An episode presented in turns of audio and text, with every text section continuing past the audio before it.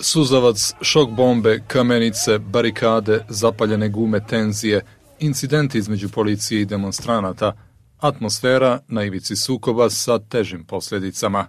To je bila slika Cetinja pretprošlog vikenda u oči ustoličenja novog mitropolita Crnogorsko-Primorskog Srpske pravoslavne crkve Joanikije u Cetinskom manastiru u nedjelju 5. septembra. Taj događaj je Crnu Goru vratio u 90. prošlog vijeka, kada je Balkan bio poprište međuetničkih sukoba. Od paklenog cetinskog vikenda do danas političari su rekli svoje, zagovornici i protivnici ustoličenja takođe, vladini zvaničnici.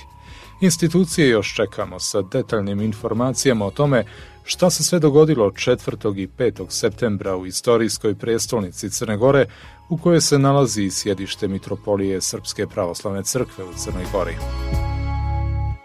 Ja sam Predrag Tomović, a u ovom podcastu Radija Slobodna Evropa u novoj sezoni prenosimo šta Cetinjani kažu o drami koja se odvijela u njihovom gradu i tome kako su oni kao neposredni svjedoci i učesnici sve to doživjeli.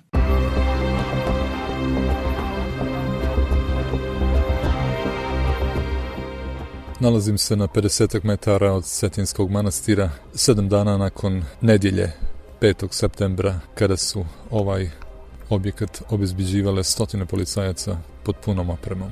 A zbog protesta protivnika ustoličenja mitropolita Crnogorsko-Primorskog Srpske pravoslavne crkve u Crnoj Gori Joanikije. No ustoličenje se dogodilo, patrijarh Srpski, Porfirije i mitropolit Joanikije su helikopterom u pratnji antiterorističke jedinice Crne Gore došli u Cetinski manastir, gdje je Joanikije izvanično ustoličen za novog mitropolita. Nakon te crkvene ceremonije, patrijarh Srpski Porfirije i mitropolit Joanikije su ponovo u pratnji antiterorističke jedinice Crne Gore helikopterom otišli nazad u Podgoricu. Danas ovdje vlada tišina, samo tri policajca ispred Cetinskog manastira, nekoliko ljudi, među kojima i par turista, koji vjerovatno ne slute šta se ovdje zapravo dešavalo prije samo sedmicu. Cetin je inače 5. septembra u nedjelju ujutru od 6 sati postalo poprište sukoba policije i demonstranata. Policija je naime u više navrata bacala suzavac i šok bombe. Bačen je molotovljev koktel, što je jedan krajnje kontroverzan detalj, budući da je informacija da je ta eksplozivna naprava bačena u 6 sati ujutru netačna a da je bila povod da premijer Krivokapić naredi akciju policije protiv demonstranata.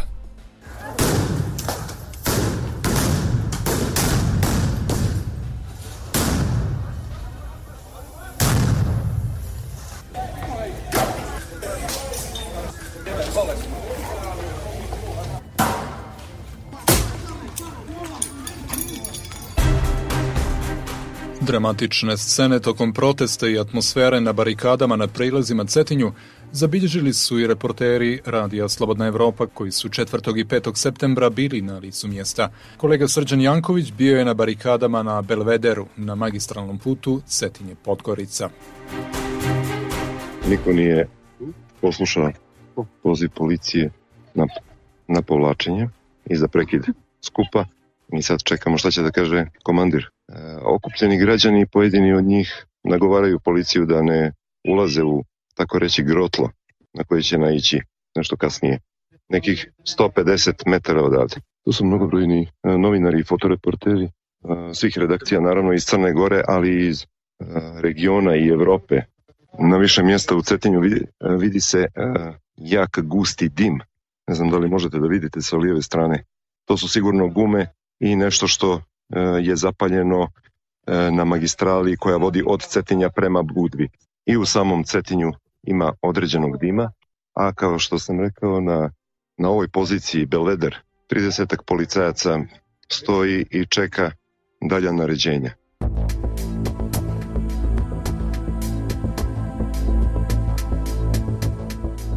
Slušate Zaviri ispod površine, podcast radija Slobodna Evropa. Sa vama je Predrag Tomović.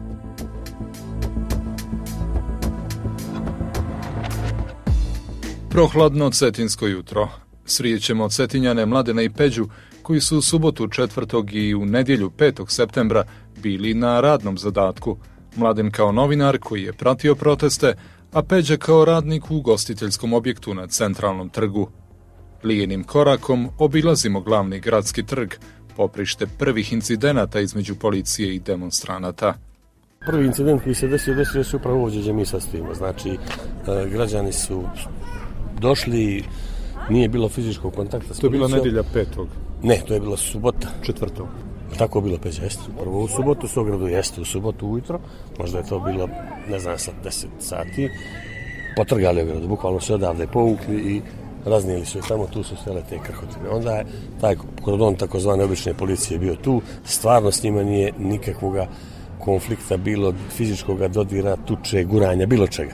Čak su ih ljudi grlili, ima jedan snimak gdje, gdje ova jedna djevojka žena grli jednog policajca. E, kad su se pojavili takozvane kornjače iz pravca, iz pravca vladinog doma i stajali su onamo iza onoga žbuna jedno vrijeme, to je već malo i, i dodatno podgrijalo atmosferu, oni su došli ovdje, zamijenili su ove policajce koji su bili napravili dupli kordon i u tom momentu su bili oni povici UA državno da je bilo je tu malo gurkanja ali se i to relativno brzo relativno brzo smirilo. Znači to ti je prvi neki prvi neki prva neka stvar koja se desila u tom momentu. Cetinje je već bilo ograđeno ogradom, možemo da idemo dalje. Znači, ova ulica Zmajeva, svaka poprečna ulica, svaka zgrada, odnosno kuća koja iz Njegoševe ima dvorište ka ovoj ulici Novice Sjerovića bila je zagrađena i s ove strane. Znači, neko je dobro to sve prostudirao i vidio kuda bi eventualno mogli ljudi da, da prođu ka manastiru. Mada, mislim da to i nije bila nekakva primarna ideja da uopšte iko napada manastir, ali tako se to tempiralo i tako je priča. Mladene, dok smo e, i dalje smo na centralnom trgu, međutim kad smo pošli već e, iz, iz gradske kafane ka ovamo, e, vidio sam tragove detonacije šok bombi. Jeste. Kako je to izgledalo, zvučalo u trenutku kada je pala prva? E, ja u tom momentu nisam bio tu, tu ti je bio Peđa. A, pa bukvalno se sjećate nemoćno nemoćno, konfuzno, u momentu ne znate što se dešava, ne očekujete da se tako nešto može desiti, ne možete da prepostavite da se tako moglo nešto desiti. Nastaje metež, ne mogu reći da se ne osjeća neki strah. Nije to sad strah za život, ali osjećate se jednostavno ranjivo u tim momentima. Ali zašto se osjećate ranjivo? Zato što to dolazi od strane ljudi kojih negdje držite u, u, u, u, da su oni tu da vas zaštite, da vam pomognu.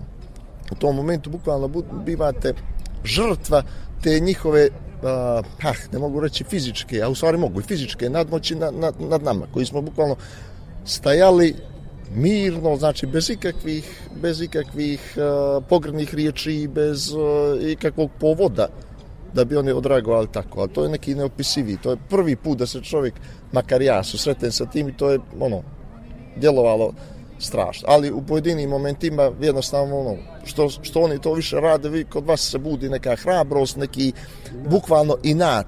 Da li je taj inat karakterističan za nas crnogorci ili nas odavde i svetinje kad se radi o, o takvim stvarima, mm, ne znam, ne mogu da objasnim, ali bukvalno se to kasnije sve, za, sve prešlo jedan ogromni inat.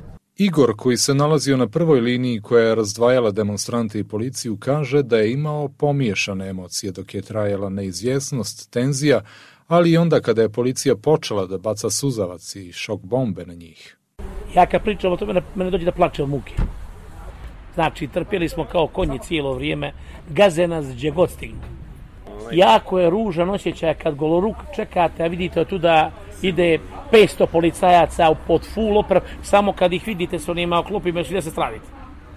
Ali onda poradi nešto, neki bijes, neki revolt, da bi ih zubima glođali. Stojali smo, nismo se pomakli.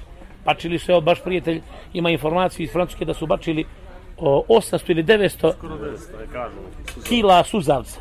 To je nezapančeno. Takvoga dima Ja vam to ne mogu opisati. Fotografija gdje se vidi cetinje komplet. Komplet. Ja sam poslije 4 sata. Imamo video, gdje se vidi kao da je bijeli dim prekrio. E, ja sam poslije 4 sata svega toga. Pošli smo kući, sve se završilo. Mene ostao bi motor gore na benzinsku bumbu. Ja pođem za motor, krenem put kuće, ima se umret. Od oči, od suza, za sve. Po 4 sata. Šutri dan kad sam krenuo da izađem na kafu, otvoreni prozori na auto, na vilu tu na semafore, stanem, klapem oči. Šutri dan. A prali su ulicu i kiša padali, tako dalje. Znači, stvorilo u nas jedan takav, u stvari, oni stalno uh, pripisuju, jer kaže vam imam prijatelja koji su Srbi u Podgorici i svuđe po Crnoj Gori, i vrlo rado komentarišem s njima, interesuje me. Oni su takav revolt u nama stvorili. Znači, oni mogu da pripisuju ovo kome oni hoće. Zarad političkih pojena. O, takav je, tek sad, je takva podjela napravljena u Crnu Goru kakva nikad do sad nije bila. Igorov prijatelj Slavko je tokom protesta takođe bio među onima na koje je bačen prvi suzavac. Kaže da su cetinski događaji još više produbili stare crnogorske podjele i izazvali nove tek počinje podjela, to je vrlo bitno. Podjela počinje s tim, s tom situacijom. Pazi, markerom, flomasterom. Ma nema, to je podvuče, slobodno možeš i bilježi zelenom, crvenom bojom, koju god hoćeš, šta podvučeš ovu. Katastrofa je podjela. Znači, podjele su katastrofalne, iz prostog razloga, zato što e, od jedan put nova vlast, koja je bila građanska, nastrojena građanski, razumiješ, e, ekspertski nastrojena, prelazi u jedan, u jedan dio koji, je, koji ide u, u, u, u da rečem da se vraćamo u srednji vijek. Znači, Promjene... pazi, pazi, pazi, potpisat uh, ovaj ugovor sa crkvom, to je katastrofa. Razumiješ? Ne poznat crnogorsku crkvu, ne poznat, crkvu, ne poznat crnogorsku crkvu koja je autoktona i koja ima koja je autokefalna, za njih nije. E zato mi i njih nećemo ni da priznamo, što je vrlo bitno. Znači da su priznali, da su pomenuli u, u jednom kontekstu u taj ugovor crnogorsku crkvu ili sve konfesije da, pa i sve, i sve vjere da mogu da se klanjaju i da, i da pođu i da dođu razumiješ, u te naše crkve, onda bismo pristali. Ali ovako ne. To vjerujte me, vjerujte me da to nema, nema ne, pomisli o tome. Razumiješ? Podile su sve dublje, a crnogorsko društvo nakon cetinskih događaja tone u nazadovanje na svim poljima od ljudskih prava i sloboda do evropskih integracija, kaže u razgovoru za Radio Slobodna Evropa direktorka Centra za građansko obrazovanje Daliborka Uljarević. Mi smo već u dužem vremenskom periodu u Crnoj Gori svjedoci zabrinjavajući ozbiljni podjela koji su prethodni dani samo još više i bolnije produbili i za to opet ponavljam najveću odgovornost nose na, naši političari koji nisu dovoljno odgovorni, zreli i hrabri da donose odluke koje su izvan njihovog partijskog i partikularnog interesa. Ono što je posebno zabrinjavajuće jeste da a, se sada malo suzio i taj inače dosta uzak okvir za potrebni dijalog. Neki su akteri tu izgubili i dio legitimiteta, a pitanje je i koliko, ko, ko sad uopšte može da pozove na to i u kojem formatu, a to nam je naslušna potreba. Nadam se da je ovo trenutak kada će se početi mnogo ozbiljnije na nivou političkog odlučivanja razmišljati o efektima utice crkve u društvu i da li je taj kleronacionalistički narativ koji se već opasno uspostavlja nešto što treba da se dalje održava, odnosno da li ćemo uopšte uspjeti da sačuvamo ono što je najvrijednije bilo u Crnoj Gori kada poredimo sa državama regiona, to je taj žilavi građanski koncept koji je opstajao u vrlo teškim vremenima, a on je sada više nego ugrožen.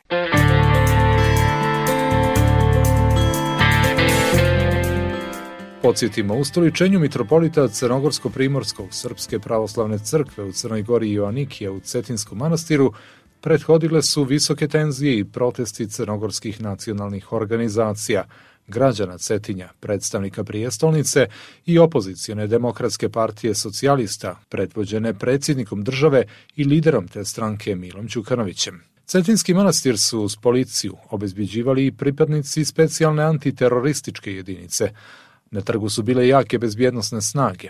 Policija je toga jutra u više navrata bacila suzavac i šok bombe na građane koji su noć između subote i nedjelje proveli na barikadama koje su postavili na nekoliko prilaza prijestolnici iz pravca Podgorice, Budve i Njeguša.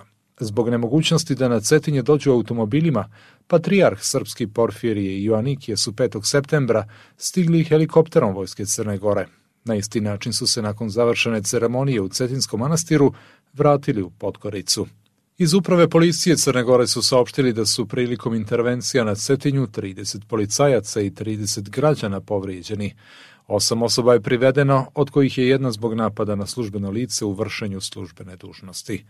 Uprava policije saopštila je da su postupali istrajno i efikasno i da će procesuirati sve odgovorne za kršenje zakona. A Savjet za građansku kontrolu rada policije saopštio je da je na Cetinju prilikom intervencije policije prema građanima došlo do prekomjerne upotrebe hemijskih sredstava. Savjet je naime registrovao i upotrebu gumenih metaka, uslijed čega je došlo do povređivanja građana, o čemu, kako su saopštili, postoje i fotozapisi. Iz uprave policije su odbacili te tvrdnje, navodeći da nijesu koristili gumenu municiju tokom intervencija.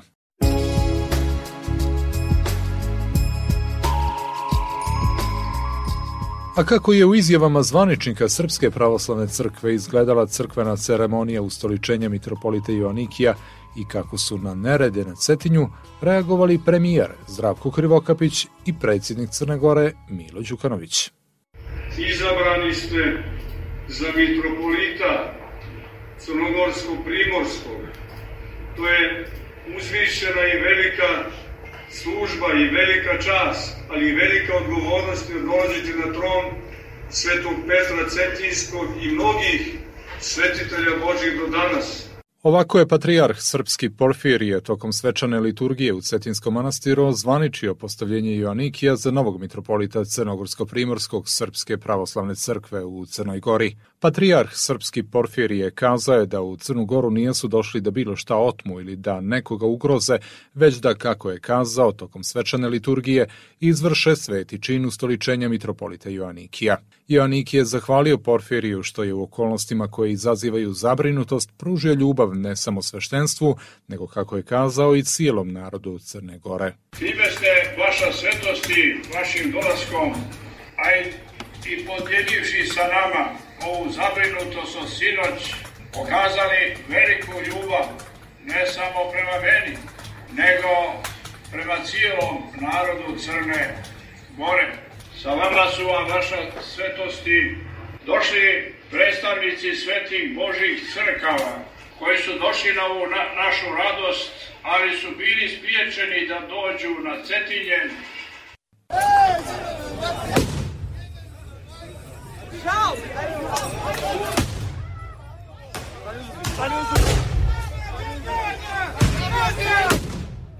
Dešavanja na Cetinju pokušaj su terorističkih akcija. Nalogodavci i organizatori su najviše rukovodstvo Demokratske partije socijaliste u saradnji sa organizovanim kriminalnim grupama, poručio je premijer Crne Gore Zdravko Hrivokapić. Vidite da nije ovaj događaj bio toliko značajan sa stanovišta ustoličenja mitropolita Crnogorskog primorskog gospodina Joannikija. On je bio povod da određene strukture, i to strukture koje pripadaju određenom dijelu politike koja pokušava od 38 da prekroji rezultate izborne volje građana. To je bio vršni trenutak u kome je trebalo da se ostvari ono što nije ostvareno, a to je destabilizacija Crne Gore, uvođenja nereda, haosa i nepoštovanja ustava i zakona.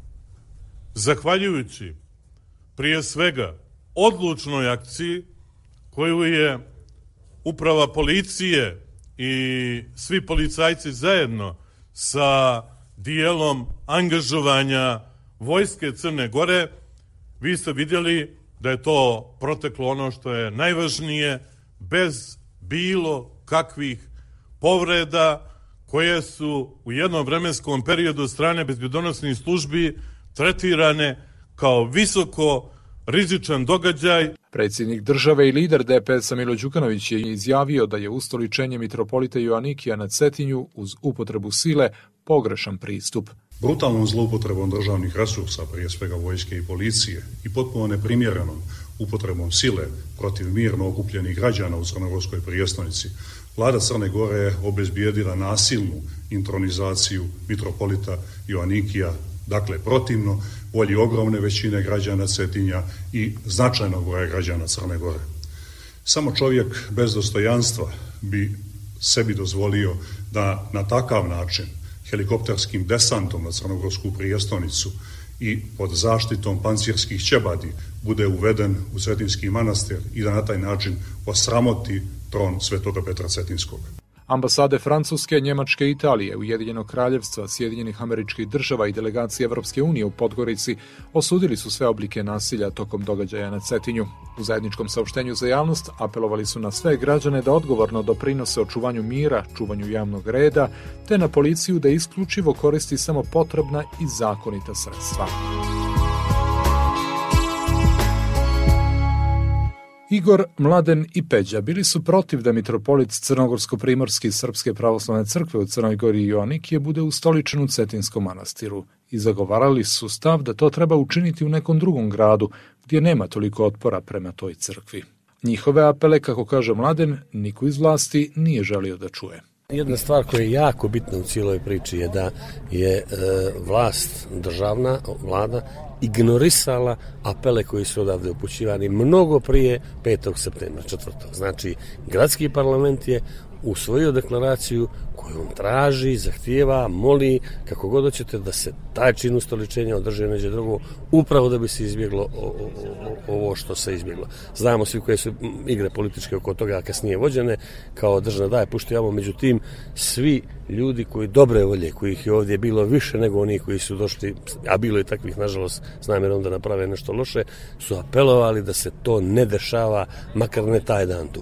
I Znaš te i sami da je bila priča kasno uveče četvrtog da je odust, da su odustali od toga, međutim pod određenim pritiscima se opet to moralo izvesti i sve to u stvari je prozrokovalo ovo. Mladen kaže da ga jako vrijeđaju priče pojedinih kako je na protestima na Cetinju najmanje bilo Cetinjana, a najviše pristalica i funkcionera bivše vlasti Demokratske partije socijalista. Na Cetinju su protestovali Cetinjani i oni koji misle kao oni, kategoričan je Mladen. Naravno, bilo je tu ljudi sa strane koji su došli da podrže svoje istomišljenike i tu ne vidim ništa, ništa sporno, ništa loše.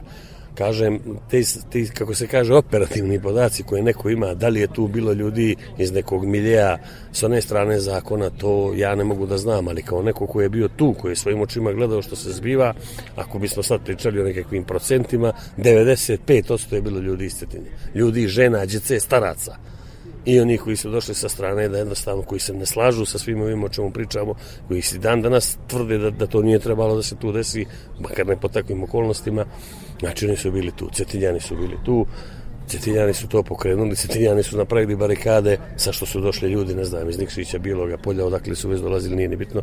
To je, mislim, samo da, da ovome daje dodatnu, dodatni e, e moment koji ga čini e, e, koji mu daje težinu u smislu da, da to nije samo jedna grupica ljudi odavde, nego da je to jedan širi, mnogo širi pokret i mnogo šire se na to gleda i mnogo šire se to trafira i otprilike je to to po mom mišljenju. Kakvu su poruku uh, Cetinjani u subotu i u neđelju poslali ostatku Crne Gore, regionu i šire?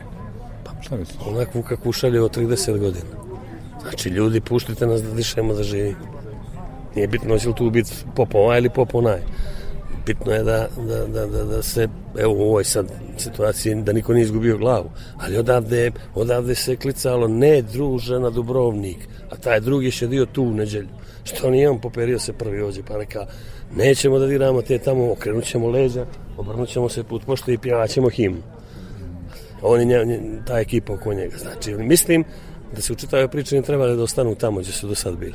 Da bi ovo mnogo drugačije sve išlo. Na koga mislite? Na predsjednika države, odnosno predsjednika Demokratske partije socijalista. Država je, predsjednik države je nešto drugo. Znači, na njega i na te ljude.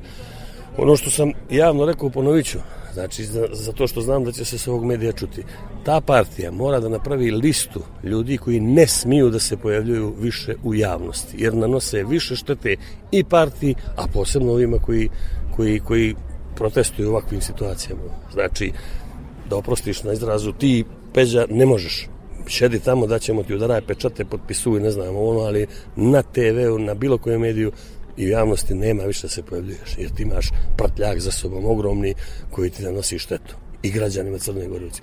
Isto tako, s druge strane, sad ovi koji su na vlasti, već i oni bi tek trebali da se stavljaju liste. Ali u principu, kad pričamo o, o, o, a pričamo o nekoj varijanti E, suverenističkoj procrnogorskoj, znači taj, taj, taj, taj, taj, taj, taj, taj, šedite doma, evo vam penzija, evo vam tamo apanaža, samo se ne pojavljujete.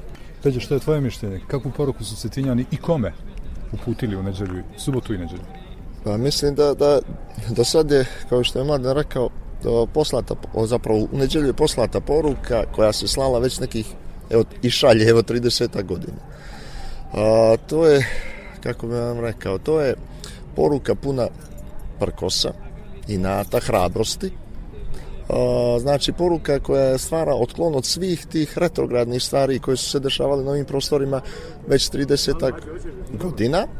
Što znam, mislim da je, da, da, da, da je ta poruka poslata kako nama u regionu, tako i šire, mada je vjerojatno i, i svima poznata taj, poznat taj kolektivni stav Cetinjana prema svim ovim stvarima i sličnim stvarima koji se dešavaju u Crnoj Gori zadnjih 30 godina.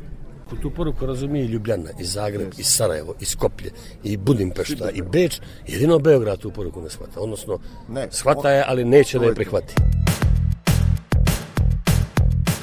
Slike svakodnevnice šta muči ili inspiriše mlade kako prošle političke odluke utiču na našu budućnost.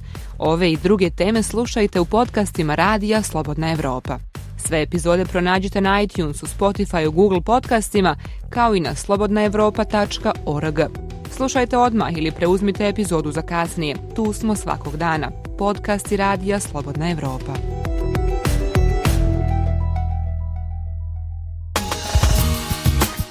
Za kraj ipak Cetinje kakvo najviše volim. Opušteno, ušuškano podnolovćena. Ljetnje jutro uz gutljaj dobre kafe u gradskoj kafani i neka lijepa muzika. Toliko da bar na trenutak čovjek zaboravi na sve ružno što nam se događalo proteklih dana. Dobro jutro. Jedan dupli espresso, molim. Nakon svega nekoliko dana od gotovo ratne atmosfere, Cetinje se vratilo u običajnom životu.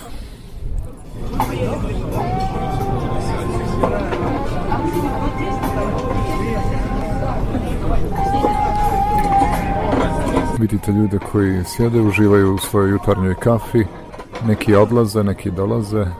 Tu su i turisti ponovo, čini mi se isti koje smo vidjeli ispred Svetinskog manastira. Ništa, ama baš ništa. Ne podsjeća na dramatičnu atmosferu od prošle nedelje. Od nečega se evidentno mora živjeti, pa su se Cetinjani vratili turizmu, Evo nas ovdje na centralnom trgu koji je prije par dana bio poprište sukoba policije i demonstranata, a danas je izložbeni prostor. Zapravo izloženi su novinski članci o turističkoj ponudi Cetinja kroz vrijeme, kroz istoriju, a naslov izložbe je Turizam kroz vrijeme. Pa su to novinski izvodi iz Cetinskog lista, uglavnom, da vidimo da li ima Grlica iz 1889. godine, Cetinski list, Cetinski list. Lijepe su ove slike. Ovo je neko cetinje iz prošlosti. Posebno su lijepe fotografije starog hotela Grand. Evo jedne fotografije iz 1970. neke. Kako je to nekada lijepo izgledalo.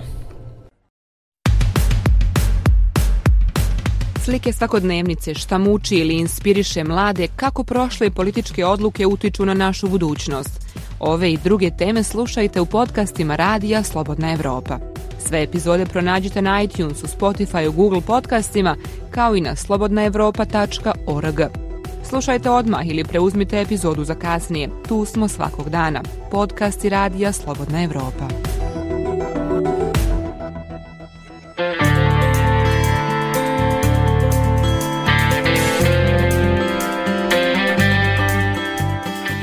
Toliko u ovom izdanju Zaviri ispod površine. Ja sam Predrag Tomović, a u prethodnih pola sata podsjetili smo na nemile događaje na Cetinju 4. i 5. septembra ove godine, kada je ustoličen mitropolit Crnogorsko-Primorski Srpske pravoslavne crkve Joanikije uz incidente, sukobe policije i protivnika ustoličenja.